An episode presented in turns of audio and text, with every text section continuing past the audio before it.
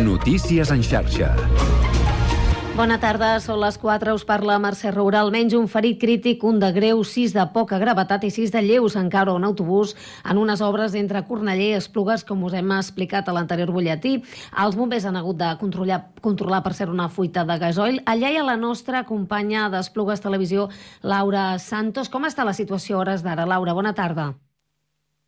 Bona tarda. Doncs ara mateix ens trobem davant aquí a Cornellà, eh, on estan procedint a l'extracció de l'autobús. De moment s'han vist dues maquinàries de bastanta llar llargària intentant eh, clavar el que serien els punts d'anclatge per tal d'extreure aquest autobús que ha caigut a unes obres d'aquí al costat de Cornellà de Llobregat. De moment no se sap exactament què ha pogut provocar l'accident, però sí que hi ha hagut aquestes 25 persones dins de l'autobús, de les quals totes han pogut sortir. De moment, ara mateix, els ferits han ascendit fins a 14, de que, dels quals un d'ells està han estat crític traslladat a l'Hospital Belvitge. Encara, però, no tenim cap mena d'atenció als mitjans i tampoc sabem exactament què ha pogut passar, però es preveu que ara es produeixi aquesta extracció de l'autobús. Moltíssimes gràcies, Laura. Estarem pendents d'aquesta informació a veure com evoluciona. Gràcies.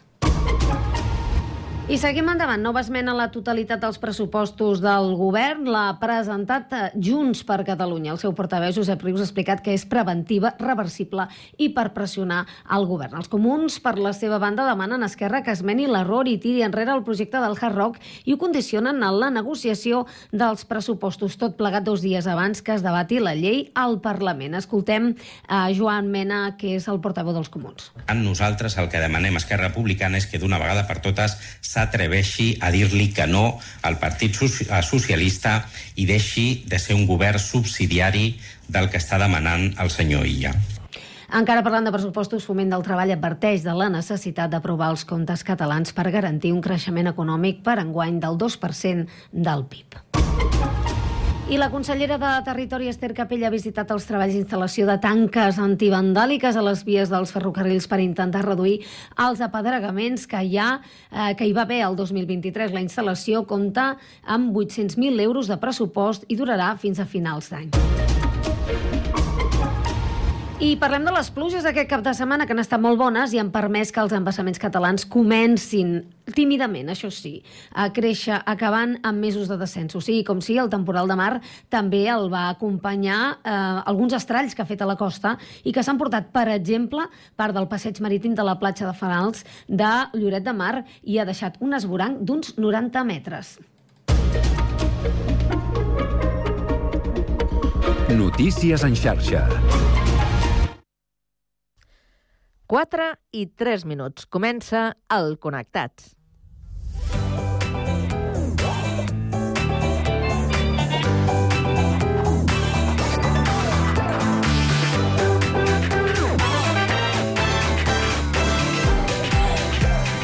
Connectats amb Carme Reversa.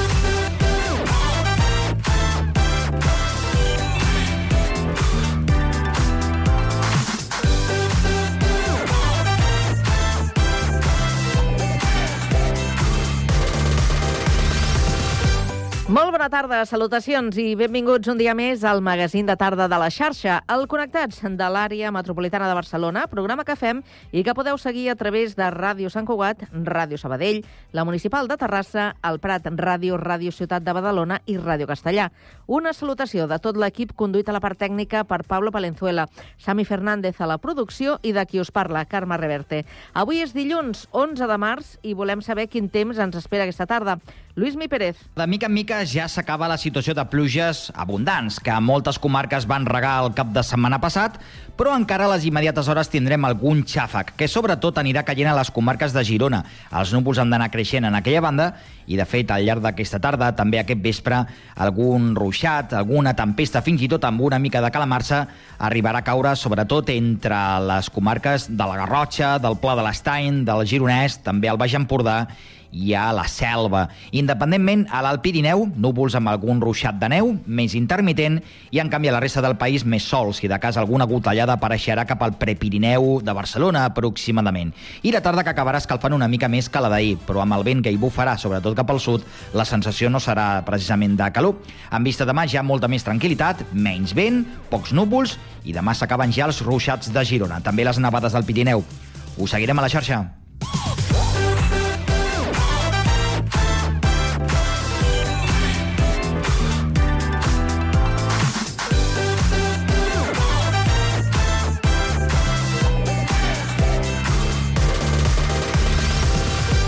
Bé, doncs avui al Connectats parlarem de la celebració del Ramadà entre la comunitat musulmana.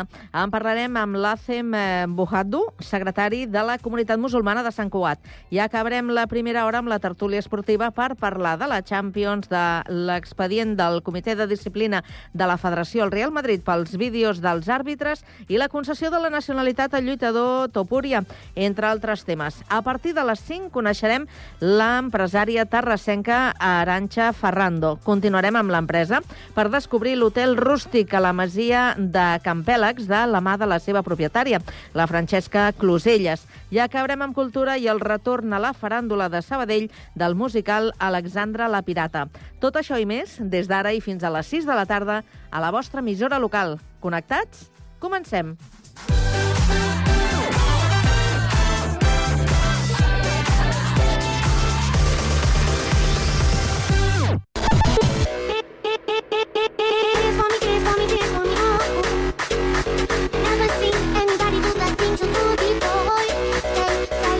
Connectats, una experiència radiofònica a Sabadell, Terrassa, Sant Cugat, El Prat, Castellà i Badalona.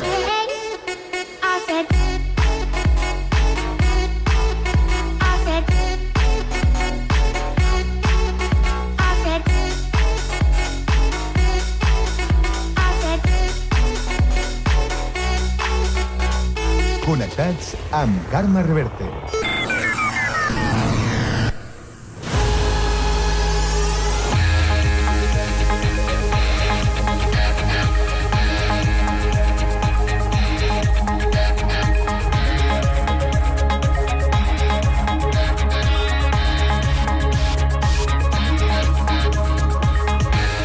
Les 4 i 7 minuts ens actualitzem i ho fem amb la ronda d'actualitat que ho fem eh, coincidir amb l'inici d'aquest repàs eh, que avui obrirem també per Terrassa. Sergi Estapé, bona tarda. Bona tarda. El PSC de Terrassa ha qualificat l'equip de govern de negligent perquè l'agenda municipal deixarà de recaptar 70.582 euros per la caducitat de 257 expedients sancionadors de la policia municipal. Concretament es tracta de 78 expedients de l'any 2021 i 179, 179 més del 2022. Segons el govern municipal, en resposta a la formació socialista, la caducitat d'aquests expedients correspon a una disfunció del Servei de Pia Pública, Seguretat i Protecció Civil. Des del PSC lamenten que la bona feina que realitzen els agents de la policia municipal cada dia a peu de carrer no es vegi finalitzada per actuacions com aqu aquesta de l'administració. Consideren que aquesta mala actuació de l'Ajuntament generarà impunitat als infractors de les ordenances municipals que no pagaran pels seus actes. El principal grup de l'oposició atribueix la responsabilitat a l'alcalde Jordi Ballart. Li demana que es preocupi més en gestionar l'Ajuntament i evitar que situacions com aquesta es tornin a produir. Gràcies, Sergi. I ara seguim per Sabadell. Pau Duran, bona tarda. Bona tarda. La comunitat musulmana de Sabadell ja està en la celebració del Ramadà. Des d'ahir fins al 9 d'abril, els creients practiquen l'abstinència de menjar, beure i mantenir relacions sexuals en horari diurn, un sacrifici que vol promoure la pràctica de la humilitat, la solidaritat i l'empatia. Tot i que el ramadà no intercedeix en les obligacions laborals de la comunitat musulmana, encara hi ha moltes persones que qüestionen aquesta pràctica. Així ho admet l'educador social Ayat Kenachar. sol xocar bastant i a nivell social sí que encara hi ha certs aspectes que la gent no sol entendre però per una, un simple fet de desconeixença i ignorància, perquè no, no, no volen entendre. Llavors, hi ha certa gent aquí a nivell social que és com uh, si esteu aquí, ens hem d'adaptar aquí. Llavors, per mi la pregunta és què significa adaptar-se aquí, no? O sigui, deixar de fer el que sempre has fet Per contra, als centres educatius on la comunitat musulmana té molta presència, com a l'Institut Agustí Serra, la pràctica està molt normalitzada. El ramadà acabarà el 9 d'abril amb la festa denominada Eid al-Fir, que cada any mobilitza entre 2.500 i 3.000 sabadellencs, segons dades municipals. Gràcies, Pau. Anem ara fins a Badalona. Santi Espasa, bona tarda. Bona tarda, Carme. Doncs les inspeccions dels edificis 110 i 111 del carrer d'Ausias Marc s'allargaran durant aquesta setmana i no finalitzaran aquest dilluns, tal i com preveia dijous el govern local. Segons ha confirmat el govern municipal, la manca dels plànols d'ambdues finques ha fet alentir el procés. Està previst que durant la jornada d'avui tècnics municipals mesurin pis a pis per tal de comptar amb tota la informació necessària que els permeti decidir si s'han de dur a terme apuntalaments. Uns treballs que, segons han assegurat els veïns, podrien iniciar-se a partir d'aquest dimecres a càrrec de l'empresa especialitzada contractada per l'Ajuntament de Badalona. Fins ara, recordem, s'han desallotjat sis blocs de tots els inspeccionats. L'últim, divendres passat, va ser el número 118 del carrer d'Ausias Marc. En total, hi ha 120 veïns que han hagut de marxar de casa. D'aquests, 54 persones de 18 famílies estan reallotjats pels serveis socials de l'Ajuntament. Més de la meitat són precisament d'aquesta darrera evacuació. D'altra banda, ja s'han apuntalat 12 edificis i s'han reforçat també els instal·lats a l'edifici número 7 del carrer del Canigó. Gràcies, Santi. Deixem Badalona i continuem ara pel Prat de Llobregat. Víctor Asensio, bona tarda. Bona tarda. Arrenquen les jornades FP Pumprat en què els dos instituts de formació professional de la ciutat ofereixen xerrades i tallers diversos per motivar l'alumnat a continuar formant-se. L'Institut Les Salines ha donat el tret de sortida a aquestes jornades que s'allargaran fins divendres i que també volen millorar les sinergies entre el món empresarial i la FP, per així enfortir les sortides professionals d'aquests cicles formatius. Són més d'un centenar d'activitats, xerrades i sortides organitzades pels instituts Illa dels Banyols i les Salines i de temàtiques tan diverses com gestió emocional, soldadura, pilotatge d'avions, decoració d'ungles o intel·ligència artificial, entre d'altres. Amb aquestes jornades es dona a conèixer l'ampli ventall de formacions que s'ofereix al Prat i es fa èmfasi en aquests estudis com a eina per introduir-se al mercat laboral. A banda d'esperonar l'alumnat a seguir estudiant, les jornades FP Prat també són una oportunitat perquè el professorat actualitzi tècniques i metodologies. Gràcies, Víctor. Abandonem el litoral i tornem al Vallès. I ara ens quedem a Castellà. Guillem Plans, bona tarda. Bona tarda. Els camins corriols i dreceres des de Castellà fins a Caldes de Montbui van ser protagonistes de la superioritat de Daniel Castillo i Raquel Picón en la trail vallesana La Corriols del Club Atlètic Castellà, que va juntar més de 250 persones en la desena edició el dissabte, amb recorreguts de 34, 21 i 7 quilòmetres. Les quatre categories disposades per les jornades van poder disputar sense gaires ensurts, tot i la dificultat a la qual es va enfrontar l'organització per acabar de marcar el recorregut a la plujosa jornada de dissabte. Una vegada més, el Club Atlètic ha demostrat que està preparat per organitzar qualsevol tipus d'esdeveniment d'alta volada, podent improvisar si cal. Gràcies, Guillem. I abans de tancar aquesta ronda d'actualitat, un repàs a la situació de Sant Cugat. Sami Fernández, bona tarda. Bona tarda. La dansa contemporània torna a brillar a Sant Cugat. La setena edició de Dansa Metropolitana ha fet ballar els santcugatencs a ritme de la música urbana. Les diferents propostes culturals han permès al públic conèixer de prop els diferents estils i formes de ballar que parteixen d'aquest subgènere. Aquest diumenge, la plaça de Victòria dels Àngels ha estat l'epicentre de la sessió de dansa urbana. El públic santcugatenc ha gaudit de la proposta Artèries, un projecte de l'Escola Sant Cugat on hi ha participat 16 estudiants del centre, sota la direcció creativa i artística de Clara Pons. Rosa Lechón és la directora del centre. Dintre de la dansa metropolitana s'ha fet eh, el projecte Artèries, que és que a cada, a cada lloc on s'han fet un, un coreògraf, en aquest cas la Clara Pons, eh, ha, ha, ha fet una transmissió d'una coreografia eh, del projecte Artèries, que es diu així. Després, la banda de hip-hop Brodas Bros ha fet vibrar el centenar d'assistents amb el seu ritme hipnòtic i les acrobàcies dels ballarins sobre els monocicles elèctrics en l'espectacle Sliders.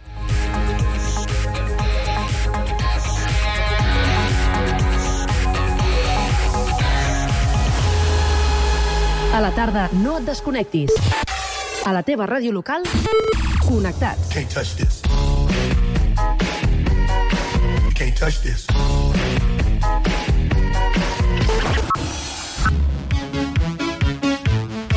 Can't touch this. Can't touch this. Connectats amb Carme Rebé.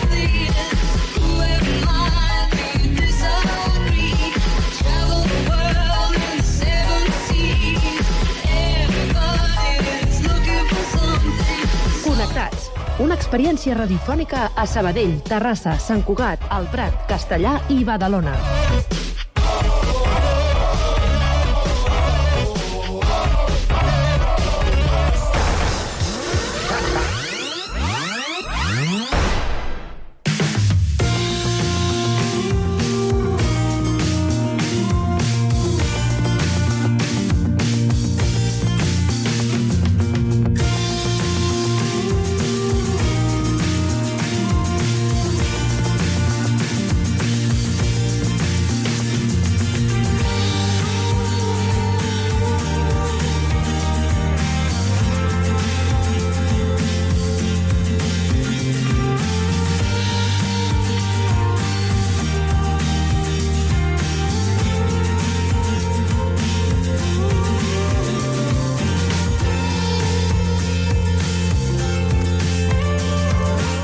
La comunitat musulmana d'arreu del món celebra el seu mes sagrat. Seguint el calendari islàmic, que es basa en el cicle lunar, el mes sagrat del ramadà retrocedeix aproximadament 10 dies cada any. Enguany a Catalunya el ramadà pot començar avui i es preveu que finalitzi el 10 d'abril, segons els albiraments de la lluna. Avui ens interessem, doncs, per aquesta celebració musulmana i en parlem amb el Lacem eh, Bohadou, eh, secretari de la comunitat musulmana de Sant Cugat. Lacem, bona tarda. Bona tarda. Com estàs? Bé, el primer dia de Ramadà. Ha començat ja? Sí, avui és el primer dia. O sigui, ara esteu en dejú. Ara estem a dejú. Uh -huh. eh, el més sagrat dels musulmans, però què significa per als practicants? Diguem-ne que és un mes molt especial perquè trenca el ritme quotidià d'aquestes de menjar, fer les teves coses, és com una paradeta espiritual. Això vol dir que deixes el que és el menjar, la beguda, els plaers quotidians, el sexe, tot això, per un fin espiritual. Això també entras en una dinàmica de reflexió, de meditació, de, diguéssim, desconnectar-te del món material del dia a dia per entrar en una altra dimensió. Uh -huh. eh, I qui està obligat a practicar el, el, El ramadà? ramadà. Mm. Sí, d'això es parla molt. La gent pensa que tothom ha de fer ramadà. No, hi ha excepcions. Diguéssim que els nens i les nenes, fins que no arribin a la pubertat, no poden fer-ho. Els, eh, la gent que té malalt, mm, que està malalt, diguéssim, crònics, que tampoc poden fer-ho, Mm. i eh, les dones quan tinguin, quan, quan tinguin diguéssim, la, la menstruació, tampoc ho fem, i eh, si parlem de, de gent que ja ha arribat a una edat molt avançada, que no tenen la força física per fer-ho, tampoc ho poden fer-ho. Però també hi ha situacions eh, que es consideren una excepció. És a dir, si una persona està de viatge, està en trànsit, eh, o si la dona està embarassada. O sigui, Sí. aquestes persones que diríem que estan eh, en bon estat, que tenen Sí. bona salut, estan, eh, mm, diríem que tenen permís per no fer-ho, Sí. però en canvi sí que ho deuen, no? Mm, diguéssim que si parlem de la dona que està embarassada, la lactància i la menstruació són dies que quan acabi aquest període poden fer una, diguéssim, tornar a fer el ramadà. Són dies puntuals, poden juntar, no fer el mes sencer, però anem fent aquests dies que tenen en dubte. Uh -huh.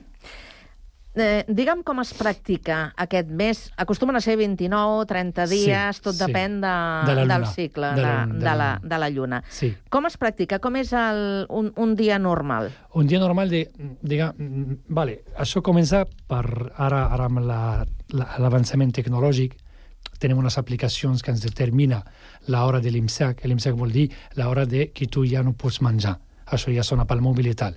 Doncs eh, la gent musulmana normal i corrent s'aixeca pel matí a aquesta hora, menjant una mica, val? i comença a l'ajun per l'oració del Fajr, que és la primera, això determina l'inici de, de l'ajun, i quan s'aixeca el sol fins que es posi, que és el Maghrib, doncs quan, se, quan, quan el sol es posa comencem a, a menjar altra vegada. Uh -huh. Però no és únicament un dejú de, de menjar. No. Vull dir, ja eh, el ramadà significa moltes sí. més coses. Eh, és un altre tipus dejú, no? Sí, no el únicament eh, l'alimentari. Sí, el Ramadan té una connotació, una connotació molt espiritual. Això què vol dir? Si parlem de les coses físiques o deixats del menjar, a part, la beguda, tot això que hem parlat, però al fin del Ramadà és que tu, espiritualment, vas avançant perquè tens la simpatia amb la gent que ja no té el menjar cada dia, deixes, diguéssim, el teu cos descansi biològicament, però també a, nivell espiritual. Quan tu deixes el menjar aquest temps que ocupa el pensar, el menjar, tot això, tu impliques o, investi, o invertes, diguéssim, en el món espiritual, perquè et dona més, eh, més temps perquè pugui, perquè tu com a persona pots reflexionar, fer una meditació més profunda, perquè no estàs atat al món eh, material, diguem-ne. Uh -huh. No podeu menjar, no Sí. podeu tenir relacions. Sí. En Eh. aquest període de, de l'ajun. En el període de... És Sí. a dir, mentre hi hagi el sol, Sí, això ja està... és, és una... Ara mateix està sonant? Sí, ara mateix, perquè tinc l'aplicació al mòbil, ara mateix és l'oració del, del Gassar. O sigui, ara els musulmans... No, encara no, fins Ah, que no? es posi el sol. Això, Ah, ah, això val. determina les... No, no, pensava que era una alarma conforme ja era l'hora que havíeu de fer, perquè són diferents pregàries les que s'han de fer al llarg del cinc, dia. Cinc, Cinc. cinc. I aquesta és la tercera.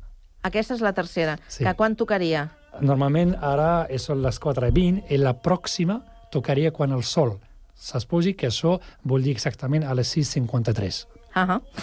eh, quan es trenca el dejú, Sí, és a dir, quan podeu fer el primer àpat, sí. eh, diríem que també és molt característic el que, el que preneu. Sí. Aigua per hidratar, dàtils, té... Sí. Uh, això, si obrim aquesta porta, o aquesta finestra, hem de parlar de que el, som 32 països àrabs i cada país sé, té el teu, el teu trencalajunt típic. Sí. Però el punt comú és aigua i dàtil. Per què? Perquè científicament, i el profeta ho va dir al seu moment, que si trenqueu l'ajun, millor que sigui aigua dàtil perquè és fàcil absorció per l'estómac. Perquè després de 15-14 hores d'ajun, si tu menges una pizza, si tu fas espagueti, això és molt dur per, per, pel sistema digestiu. Això, i, I científicament s'ha demostrat que el dàtil i l'aigua, els dos materials que mai han passat pel foc, doncs su absorció pel cos és molt més fàcil i et dona més energia. Mm. M'imagino que els primers dies, fins que s'acostuma al cos, són els més durs de, Els- de portar, no? Els dos primers, per exemple, avui tothom té jaqueca, dolor de, de cap, perquè la falta del sucre, perquè estem acostumats que el pancreas faci el seu rol dia a dia, però de cop tu ja no li dones sucre, doncs el, el pancreas ara mateix està eh, sorti, fer sortint el sucre a poc a poc i això provoca el dolor de cap. Mm -hmm. Sí. Després ja esteu més que acostumats perquè és una pràctica que la feu des que ja comenceu a ser mm, adolescents, Adolescents, sí, adolescents. no? Eh, també el moment de, en què es trenca el dejú és un moment molt familiar. És a dir, eh, mm, hi ha d'estar tota, tota la família, l'àpat es fa eh, amb, amb, amb tothom, no? Sí, sí, hi ha una cosa que característica al món àrab per, per, diguem, per excel·lència és la família, però encara en el mes de Ramadà, perquè tothom està a la, a la taula, el pare, la mare, els fills, és un moment de xarlar, de parlar de com és en el dia, és un moment de reconciliació, és un moment d'unió, doncs un passa el plat a l'altre sense... Pe... Són, són coses, són detalls petits, però això és el nucli familiar en, en, en su eh, màxima expressió, diguéssim. Mm -hmm. eh, vosaltres esteu vivint fora del vostre país d'origen. Sí. Llavors, eh, eh, la situació és diferent a com la podríeu viure en el vostre, en el vostre país. Us heu adaptat, eh, podeu portar el ramadà amb una relativa eh, quotidianitat i, i facilitat avui dia? Ho dic pensant sobretot en aquelles persones que treballen no en els seus negocis, sinó Sí. que treballen per a, Empreses. per a empreses. Sí. Normalment, cada cop les empreses són més flexibles, perquè la gent de... Eh, la primera generació que va venir aquí a Espanya, gent que ja no tenia una cultura molt profunda ni un nivell d'estudi molt, molt alt, es conformaven, diguéssim, de ja no dic res fins que arribi el moment i tal. Ara mateix, amb la, amb la joventut d'ara, no tenen cap, eh, diguéssim, cap por de dir som musulmà, estic fent el ramadan, i ja l'empresa respon molt bé. Això a les persones que treballen en empreses i tal. Ara, eh, per la, si parlem entre si tu fas el ramadan al teu país d'origen i si ho fas aquí, hi ha molta diferència. Però jo crec que gràcies a la generació que va néixer aquí i estan creixent aquí, les pa els pares i mares ja es consideren d'aquí, doncs s'han fet el ramadan aquí, eh, no diria adaptant-se del, del, de l'Oixequi, però ja s'ho fa com si fos el seu. O sigui, si vivim a, a Catalunya, nosaltres moltes vegades hi ha famílies que parlen el català a casa, a casa seva. Doncs el, el fet de fer ramadan, ser musulmà català aquí a Catalunya, és molt diferent. I aquesta diferència amb el Marroc o amb Algèria o amb qualsevol país s'ha anat disminuint cada vegada més. Mm -hmm. Mantenen la tradició, els Sí, joves? sí. Sí? Les co- Les costa. Les costa. El, el meu té set anys i encara, eh, quan parlem, dic, no, papa, no em parlis en àrab, jo parlo català o castellà. Però ahí estem, Mm. ahí estem. El, el ramadà és el quart pilar de, del Sí, cinc del que cinc. té l'islam. Sí, i- Recorda'ns una mica els altres. El primer és la intenció. ¿vale? Segona és el que és l'oració, La tercera, el que és la limosna. Uh -huh. El la, boi, no? Sí, la quarta és el, diguéssim, l'ajú i la cinquè és el pelegrinatge. A la Meca. A la Meca, perdó. Uh -huh. Eh, la comunitat musulmana a Sant Cugat eh, la teniu més o menys eh, comptabilitzada? Quants musulmans hi ha a Sant Cugat? Eh, se, segons les dades de l'Ajuntament de Sant Cugat, estimem que uns... qu- Si parlem, perquè hem de parlar de dos col·lectius. El col·lectiu àrab, marroquins, algerians i tal, som uns 400 famílies, i si parlem del col·lectiu pakistaní, jo crec que són molt més, són quasi 1.000, 1.200 persones. Uh -huh.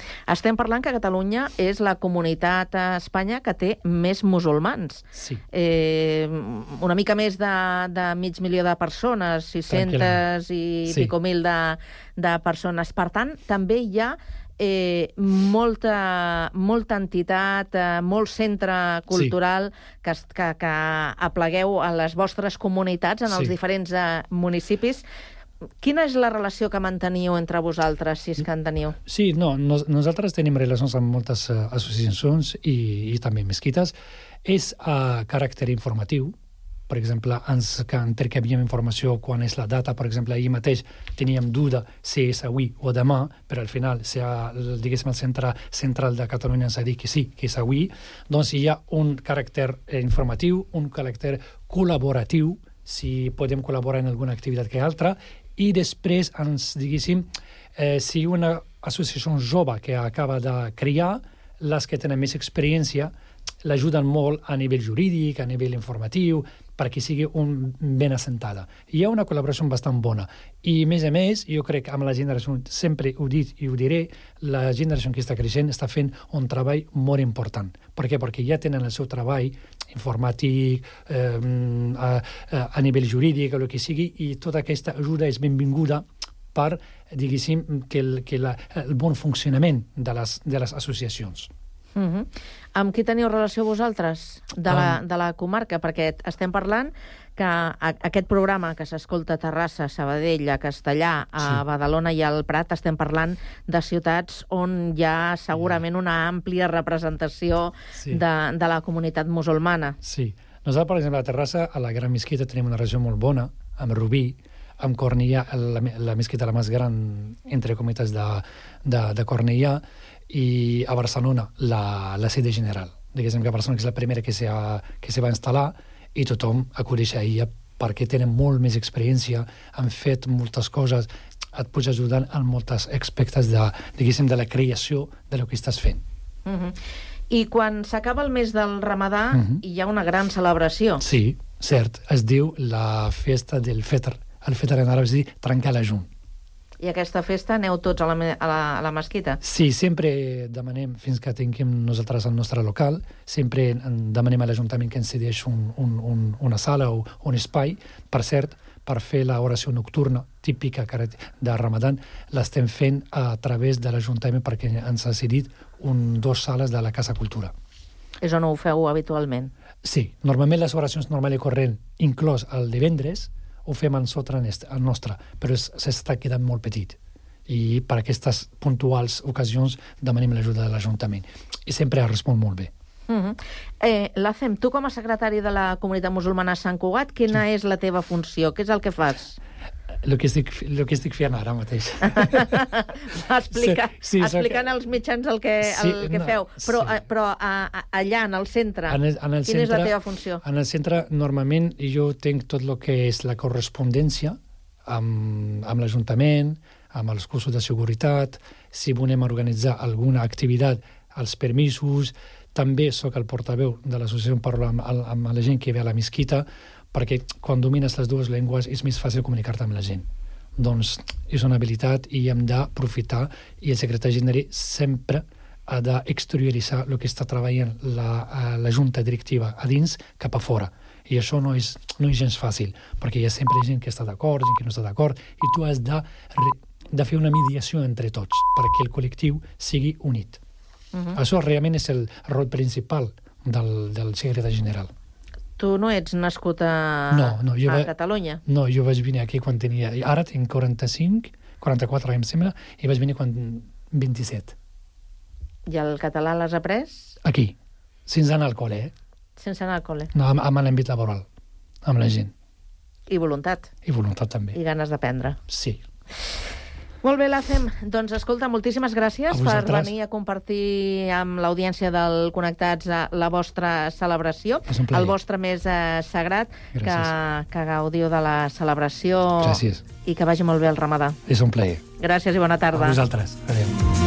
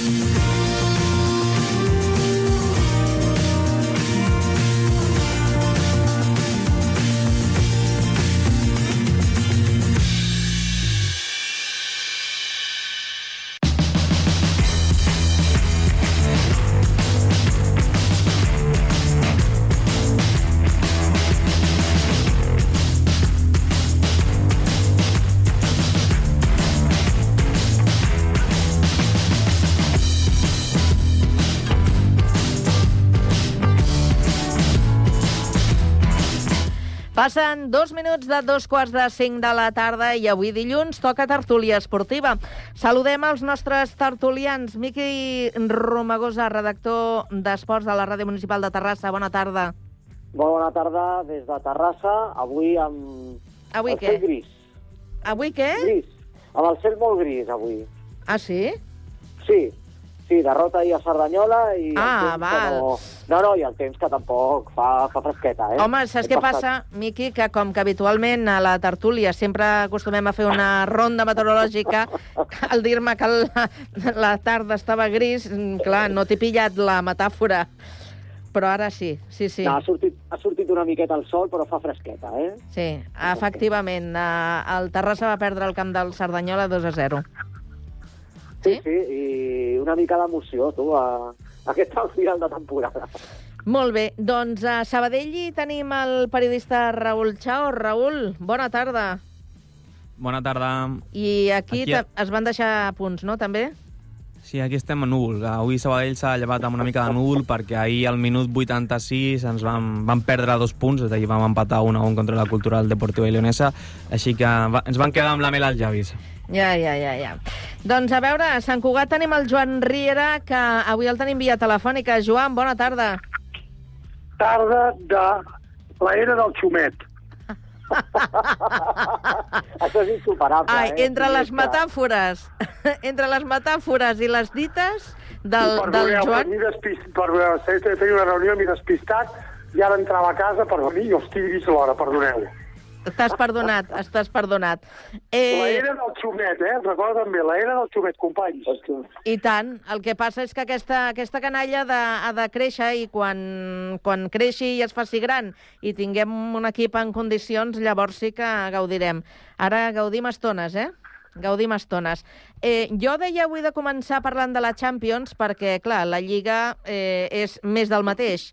No hi ha novetats, el Madrid continua guanyant, el Girona també, per cert, molt bé davant de l'Ossassuna, que era un partit eh, complicat, i el Barça, doncs mira, com sempre, salvats eh, per la campana i per la genialitat eh, d'un del xumet, com diu el, el Joan. Per tant, eh, anem a parlar de la Champions perquè demà i demà passat eh, es completaran els eh, quarts de final. Ja tenim el City, ja tenim el Real Madrid, el PSG i el Bayern, i ara, doncs, eh, haurem de veure qui dels equips que, que tenen aquesta eliminatòria de vuitens pendent eh, passarà demà. Ja sabeu que juga el Barça davant del Nàpols. No sé qui, quin és el grau de confiança que teniu en l'equip de Xavi Hernández. Qui vol començar? Jo, Jo no sabria què dir-te, eh? A veure, espera, a veure, que, no us atabaleu. Raül, vinga. És a dir, el problema del Barça són les baixes, no? És a dir, perquè al mig del camp veurem un mig del camp que és bastant estrany. Si ens arriben a preguntar que a vuitens de final, en el partit més decisiu del Barça durant tota la temporada, al mig del camp seria Christensen, Gundogan i Fermín, diríem, ostres, uh, això, això ha de ser una broma, no? Aleshores, aquí veig el principal problema del Barça davant davant d'aquest partit. Um, la pregunta és, quin Barça veurem aquest, uh, demà? Mm. Veurem un Barça amb ganes d'anar a l'atac, un Barça amb problemes defensius, un Barça que dependrà absolutament tot d'un noi de 16 i un noi de 17 anys. Uh, jo tinc molts dubtes, a dir, és que el problema, bueno, la sort del Barça és que el Nàpols uh, tampoc està fent una temporada molt bona i en el partit d'anada vam veure que el Barça va ser molt superior al conjunt italià. Aleshores, mm, jo tinc... Jo diria 50-50, eh, l'eliminatòria. Mm. No t'hi jugaries res per això, oi? No, no, no, no, és a dir, a, a més, veient el que hem vist del Barça aquest any, jo crec que cap de, cap de nosaltres ens podríem jugar a qualsevol eh, cosa. Ni un pèsol, ni un Ni pèsol. Tomet No. jugaria. Miqui, com ho veus tu? Ostres, doncs, eh, jo tenia en compte que, que el Barça, com va guanyar el Mallorca el divendres, veient que l'afició del Barça fa la onada amb el 0-0 i les baixes que té el Barça, doncs ho veig bastant, bastant, bastant complicat. I més encara quan a l'anada el Barça va tenir oportunitats per, per sentenciar i deixar uh, ben, ben encaminada aquesta, aquesta eliminatòria i no va ser capaç de, de, de fer-ho, no? Per tant, no sé, eh, jo crec que, que, has de tenir, que has de tenir una nit eh, doncs molt i molt positiva i el Barça, doncs, darrerament, a Europa, doncs, amb Xavi, mirant els precedents, quan Mm. semblava que, que es podia aconseguir un bitllet per la següent fase, doncs ens hem quedat amb, amb les ganes, no? Joan, què? El Barça no pot anar a l'1-0. L'any passat perquè va tocar a la carambola, perquè el Madrid no lluitava, l'Atlètic de Madrid no lluitava, ningú lluitava. Estàvem sols. I amb 1-0 en teníem prou. Ho ha dit el company el del Mallorca. El Mallorca, els del Xumet, van ser els resultadistes, no la resta. Les restes, que s'ho facin mirar Joao Fèlix, Lewandowski, Undogan, el Condé, no en dic més. A millor que digui el, el Rafinha, que s'ho faci mirar. Perquè un, un, un, aquest nen de Brasil que ha vingut corre com una bala, lluita com una bala. El Fermín lluita i treballa com una bala. El Lamin Yamal uh, ja ho diu que és un sinvergüenza, l'entrenador del, del Mallorca, un adjectiu super 10, eh, perquè és un sinvergüenza futbolísticament parlant. Eh? Un huevón i un sinvergüenza. I si no, un 10. I el Covarsí, aquest nano, és, és, un, és per sobre del Piqué, però serà un altre Piqué. M'entens? Vull dir que, no, aviam, uh, que s'ho facin mirar tots aquests veterans que cobren milionades, perquè no donen la cara ni es deixa la vida. El Joan, Fe, el Joan Fèlix, ara avui deia a la premsa, que, que potser pot fer un d'aquells partits, si juga, que ja, ja ha mostrat segons quins partits ho pot fer bé. Si no és un problema de segons quins partits, és cada partit s'ha de fer bé. Mm. S'ha de fer com cada partit. I aquest el problema. Resulta, resultat, amb un 0 no en tenim prou. Hem de fer 2-0, 3-0, i el Barça té un problema de que no mata els partits. Un, si un no a 0 mata i a, i a patir, no? Fins que xiuli al final del partit l'àrbitre. Ens poden, ens poden empatar amb una jugada estratègica, amb la puteria dels davanters, Mm. amb algun central, ens empatar, perquè nosaltres som més innocents que la Granada. Vaja, eh, una a una l'anada i demà a la tornada, com diu el Joan, seria suficient. Però, escolta, si no cal patir, no cal patir, eh? eh vull dir que facin la feina abans, si és possible, i, i ja està. Eh, la resta de partits que queden en aquests vuitens eh, tenen resultats del partit d'anada molt, molt, però que molt ajustats.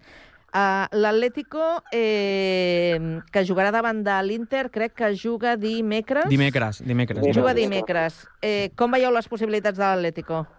Jo ho veig molt complicat, és a dir, jo aquí sí que dono un més percentatge a l'Inter de Milan, és a dir, l'Inter de Milan a, a la Sèrie A té la Sèrie A guanyada, és a dir, aleshores s'ha de concentrar només amb la, amb la Champions. És un equip que, que fora de casa és molt competitiu, que no, que no perd i això i això ho fa encara més difícil i si això li sumes que l'Atlético de Madrid no està bé, és a dir, sí que juguen a casa i que això pues, el Metropolitano estan puntuant, estan sumant de 3 en 3 a la Lliga, però és que fora de casa aquesta setmana contra el Cádiz, eh, fa dues setmanes contra l'Almeria que no van guanyar uh, no sé, estem veient un Atlético de Madrid molt, molt irregular, no? Sembla que hem vist el millor Atlético de Madrid a la, en el partit de, de Copa del Rei contra, contra el Madrid, no? que en aquell Mm. partit que va haver pròrroga, que van, van veure jo crec que la millor versió.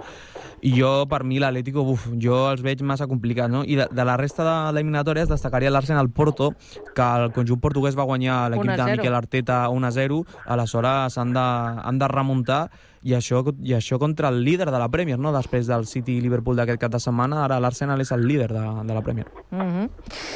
Sí, sí. Eh, com veieu les eh, possibilitats vosaltres, tant de, de l'Atlético, que recordem 1-0 eh, en el partit d'anada, eh, jugaran a casa aquesta vegada. Tot i les dificultats, eh, el fet de jugar a casa millor els hi dona una miqueta més de- d'opcions. Eh, el Porto visitarà l'Arsenal i després eh, ens queda el Dortmund. Jo crec que l'Atlético de Madrid a casa, a Sí. casa és un equip eh, és un equip fiable, a casa. Fora ja és més difícil, o sigui, aquest any el pitjor Atlètic de Madrid l'estem veient fora de casa, o sigui, eh, jo crec que, que està donant doncs, fins i tot eh, vida a equips que, que ho tenien molt i molt complicat i està donant punts a, a equips de la zona baixa i si no està més a dalt a la classificació és per aquesta mala dinàmica fora de casa, perquè a casa el Metropolitano, el, l'Atleti de Madrid està molt bé, uh, i després doncs, jo crec que, que no tindrà cap tipus de problema per eliminar l'Inter de Milán per, per passar a la següent ronda. Aquesta és la meva opinió, tenia en compte una mica a l'Atlético de Madrid que estem veient aquesta temporada, no? que, que està donant moltes cares diferents i passa de ser un equip molt compacte i que, i que dius, ostres, podria lluitar per tot, a ser un equip doncs, molt i molt vulgar, la veritat.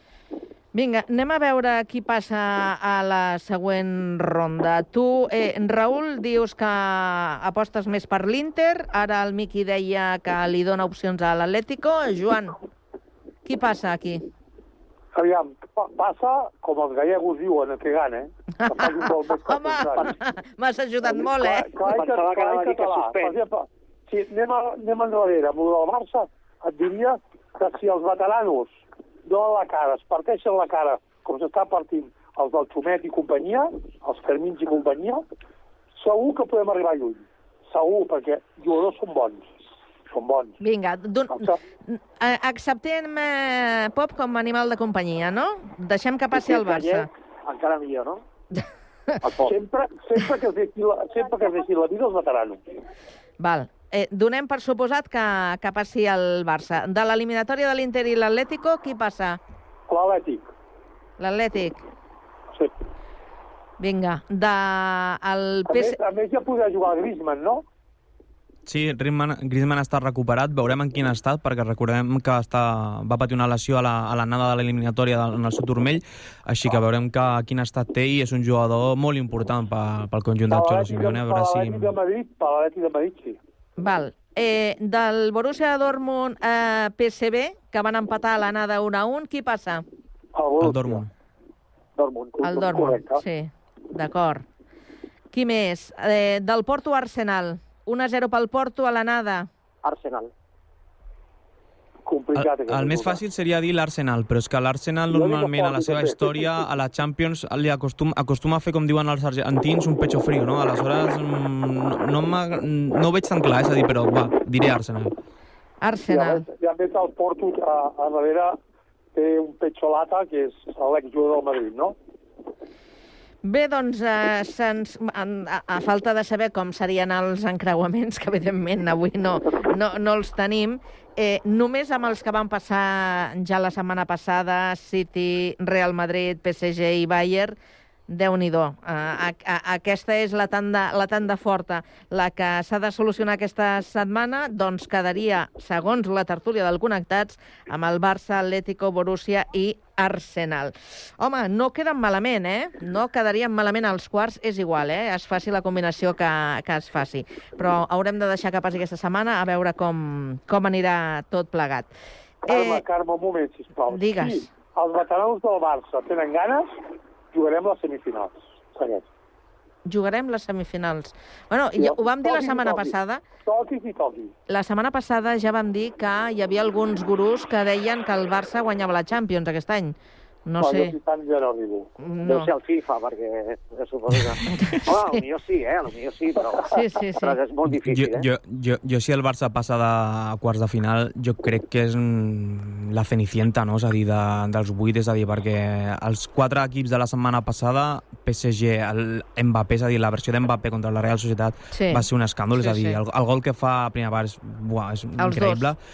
Els dos, però el primer és, el, és a dir, és, de, de jugada a play, és a dir, com, de, com deia el Miki, uh, el City és el City, és a dir, el City té a Haaland, que és increïble, més, un dels, el millor per mi, el millor mig del camp que, que hi ha a Europa, el Madrid és el Madrid, uh, l'Inter de Milan, jo crec que l'Inter de Milan serà un, un rival molt, molt fotut, i l'altre equip de la setmana passada, el Bayern de Múnich, el Bayern de Múnich... mm, Amb una espelma, va- estigui- El Bayern és un Bayern, eh? encara, encara, encara que no estigui bé, encara que no estigui bé, això, per eh, això. mama por, eh? Mama por.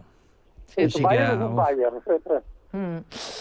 Eh, doncs eh, anem a un, altre, a un altre tema. I aquesta setmana passada eh, el Comitè de Disciplina de la Federació Espanyola ha obert un expedient al, al Madrid pels vídeos sobre els àrbitres, sobre, principalment perquè el Sevilla, que va ser mm, dels primers damnificats, eh, ha, ha insistit a, a posar una mica en ordre a la denúncia que feia, perquè la primera sembla que per una qüestió de forma no estava ben executada. Eh, ara sembla que sí, però clar, la qüestió és, servirà d'alguna cosa això o no servirà de res? O és pura burocràcia? Què penseu? En un país com Espanya, en el qual no, no, encara no tenim actualitzat uh, tot, és a dir, perquè estem vivint a un segle XXI, la tecnologia mana, on quasi tots els clubs tenen canals de, de televisió, si no tenen uh, xarxes socials, en poden fer comentaris, que això no estigui dintre del reglament, a mi em sembla molt greu. És a dir, el que està fent Real Madrid Televisió crec que és molt lleig, i a més a més veient el nivell arbitral que estem, que estem veient durant aquest any amb el VAR i tot així, així que jo crec que no ajuda i els àrbitres en, encara que no estiguin en el seu millor moment crec que no estan protegits pel sistema de la federació i per tant s'ha de sancionar um, ja sigui amb diners o el que sigui però s'ha de sancionar perquè això és molt lleig Joan, Jo diria Real Madrid Televisió amb Vinícius. perdona? Real Madrid Televisió amb Vinícius. Sí, un altre capítol a part.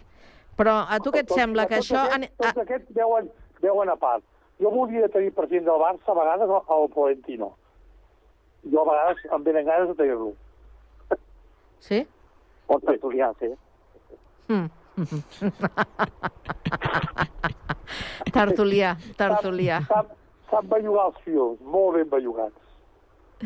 Miqui, Eh, jo crec que el tema Real Madrid Televisió no deixa de ser un, doncs una mica el que fan els clubs amb la majoria de clubs amb els seus serveis de comunicació, no? Eh, és controlar el que, el que és notícia i el que no, i després estan els mitjans, fem nosaltres, no?, que, que hem d'explicar coses que a vegades no, no agraden o que els clubs no, no volen explicar, no? Sembla que només expliquen una, una versió, que tot és molt bonic, que tot és perfecte, que, que mai hi ha problemes als vestidors entre els jugadors, que mai eh, l'entrenador doncs, agronca un jugador, que tot és molt bonic, i jo crec que, que aquest és una mica una mostra de, del que són moltes vegades els serveis de comunicació del club, eh, dels clubs, no? que, que moltes vegades, doncs, eh, no tots, eh? no vull englobar-ho a tots, Però- però, sí la però, gran Miqui, majoria. Sí. no, jo em pregunto, els, eh, els serveis de comunicació d'un club han de servir per atacar? No. No, no, per això han de servir Per per... posar pau, per posar pau. Correcte, han de, han de servir per informar, han de servir per, per eh, doncs, eh, d'alguna manera apagar el foc i, i no pas, doncs, a, moltes vegades... I no tira benzina, no? Clar, és que moltes vegades la sensació que, que dona és que al final el, els, els uh, serveis de comunicació, com passa amb el Madrid, no? doncs, uh, dona la circumstància que, que semblen que, que són ells contra la resta, no? O sigui, l'única veritat que, que us expliquem del club és la nostra. I a vegades, doncs, això és un perjudici total, no? Per tant, jo crec que tot això s'hauria de regular, com deia el Raül, totalment, s'hauria de regular perquè si no és una manera de que el club indirectament doncs, digui, digui coses no? que moltes vegades no ajuden. I clar, eh, jo crec que tot això el que fomenten és eh, la polèmica i, i després, doncs clar, que se'n parli més d'aquests temes que el de, del que realment és important. No? Ah. I canviant de, canviant de tema, però eh, encara en l'àmbit eh, futbolístic, eh, què, què us ha semblat eh, la notícia que té a veure amb les operadores de, de... Bueno, amb el fet que hi hagi aquesta pirateria de, de, de les imatges de, de televisió, que ja sabeu, mm, a través de, de les IP, a través d'internet, es poden eh, localitzar doncs, eh, pàgines webs eh, on tu pots veure el partit de forma, de forma pirata. Això no ho descobrirem eh, ara. Però el que sí que és novedós és que la Lliga el que vol és enxampar a, a aquests usuaris i, i sancionar-los. Avui, Car Carme, han fet una, una, aclaració al Tribunal Superior de Justícia de Catalunya a Twitter, que es pot veure, i on ha aclarat perquè la Lliga estava dient que es podia denunciar a tots els consumidors no, de, Mm. que estiguin a casa veient, i han dit, el, el Tribunal ha dit que és mentida i que no, només intentaran uh, seleccionar a les persones que difundeixen uh, aquests canals a través d'una xarxa piratejada. No? Així que el, el consumidor que utilitza aquestes coses mai pot ser sancionat i a més que ho proveeix així les, la, la protecció de, de dades. No? I la conclusió que hem d'arribar a través d'això és que per què la gent pirateja aquestes coses és perquè els preus abusius per veure el futbol és un escàndol, és a dir, estem parlant que per veure Movistar té un monopoli, és a dir, té, té controla absolutament tot el futbol i per tenir el futbol has de, ser, uh, has de tenir internet i has de tenir dos, com a mínim dos mòbils. Mínim tot això són 120 euros.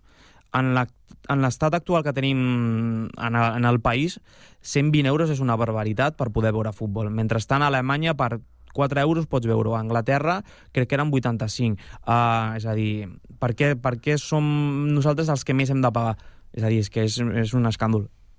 Que s'ho facin mirar, doncs... Això, això em recorda, Tal si qual. per exemple, recorda quan hi havia la Roja Directa. Clar, ja no hi és? Que tot, tots ens connectàvem No. a la Roja Directa. Bueno, Bueno, sí. anàvem al bar, quan anàvem a un bar en concret a veure el partit, perquè ells sí que tenien senyal autèntica. autèntica. Clar, és que aviam, ho has dit molt bé, company, els preus són tan abusius que la gent, que quan un ja abús d'algú, un busca per darrere a veure amb què pot desembossar l'abús que, que fan les cadenes o pel govern a través d'aquests mitjans. Però l'internet està per alguna cosa. Un ha d'entrar a l'internet per, per assolir qualsevol, qualsevol notícia o, per, o qualsevol reportatge o qualsevol partit del que sigui. El, tenim el Dazón també, el femení del Barça, ara per Dazón, ara per TV3, ara pel Plus. Aviam, per quants canals han de veure un equip X que, que pugui ser una cosa eh, lineal. No hi ha, no hi ha, no hi ha una, un camí lineal. És, tots són entrebancs, tots són entrebancs. Miqui, Tot això, és, a part de ser un tema molt, molt i molt complicat i molt farragós, uh, o sigui, uh, al final tot això, per què neix?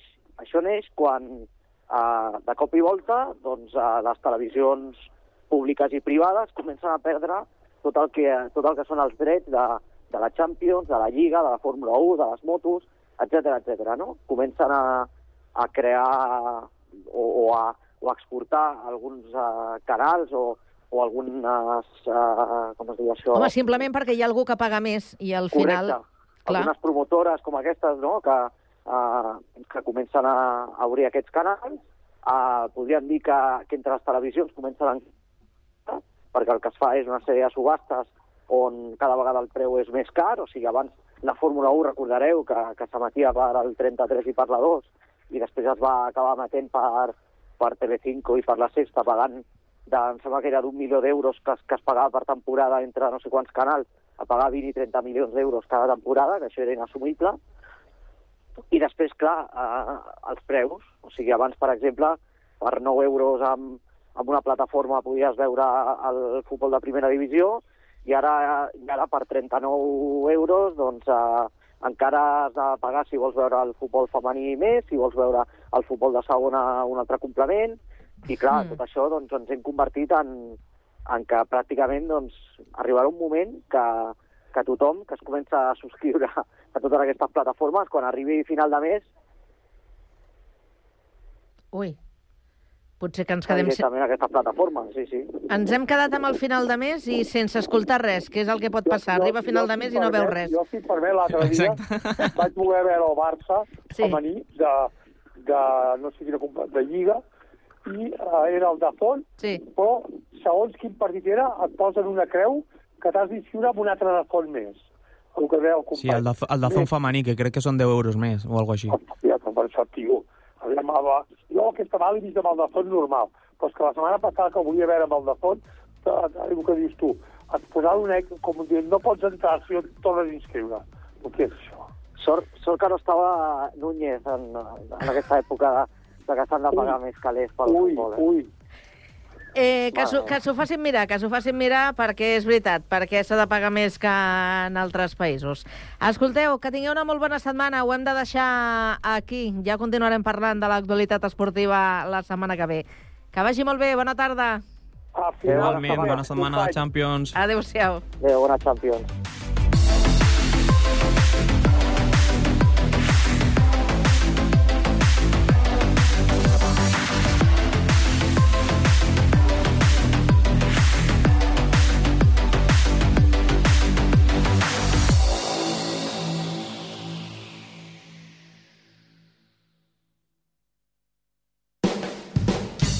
El sabor autèntic i natural, amb garantia d'origen, el trobaràs a Carnisseria Sagarra. Des de 1960 treballem per portar els millors productes a la teva taula. Carns i aus de primera qualitat amb totes les garanties sanitàries. Carnisseria Sagarra. Qualitat, servei i professionalitat en carns, plats preparats i amb tots els nostres productes. Som al carrer Francesc Moragas 13 i en Davallada 22 de Sant Cugat del Vallès. Ara també pots fer la teva compra online a www.cesagarra.com. Cada mes, els alumnes dels instituts Leonardo da Vinci, el Centre de Formació d'Adults i el Col·legi Pureza de Maria expliquen l'actualitat dels seus centres a Ràdio Sant Cugat. Primer de batxillerat van visitar el laboratori. Al final de cada classe ens fa un experiment. També ens fan recomanacions. De fantasia eh, puc dir eh, una saga que es diu Crave. Ens diuen què els agrada. Jo espero els canelons de l'àvia. A mi m'agraden molt els animals. A mi m'encanta cuinar. I ens posen al dia amb la música que escolten. El Nadal més tropical de Gertrudis. Jo he escollit eh, La gent d'estimo, que és de Oques Grasses. No My Responsibility, de Billie Eilish. Els instituts santcugatencs a Cugat Mèdia. Els dijous a les 10 a Ràdio Sant Cugat i en podcast a Cugat.cat i a Ull Crític. Ràdio Sant Cugat. www.cugat.cat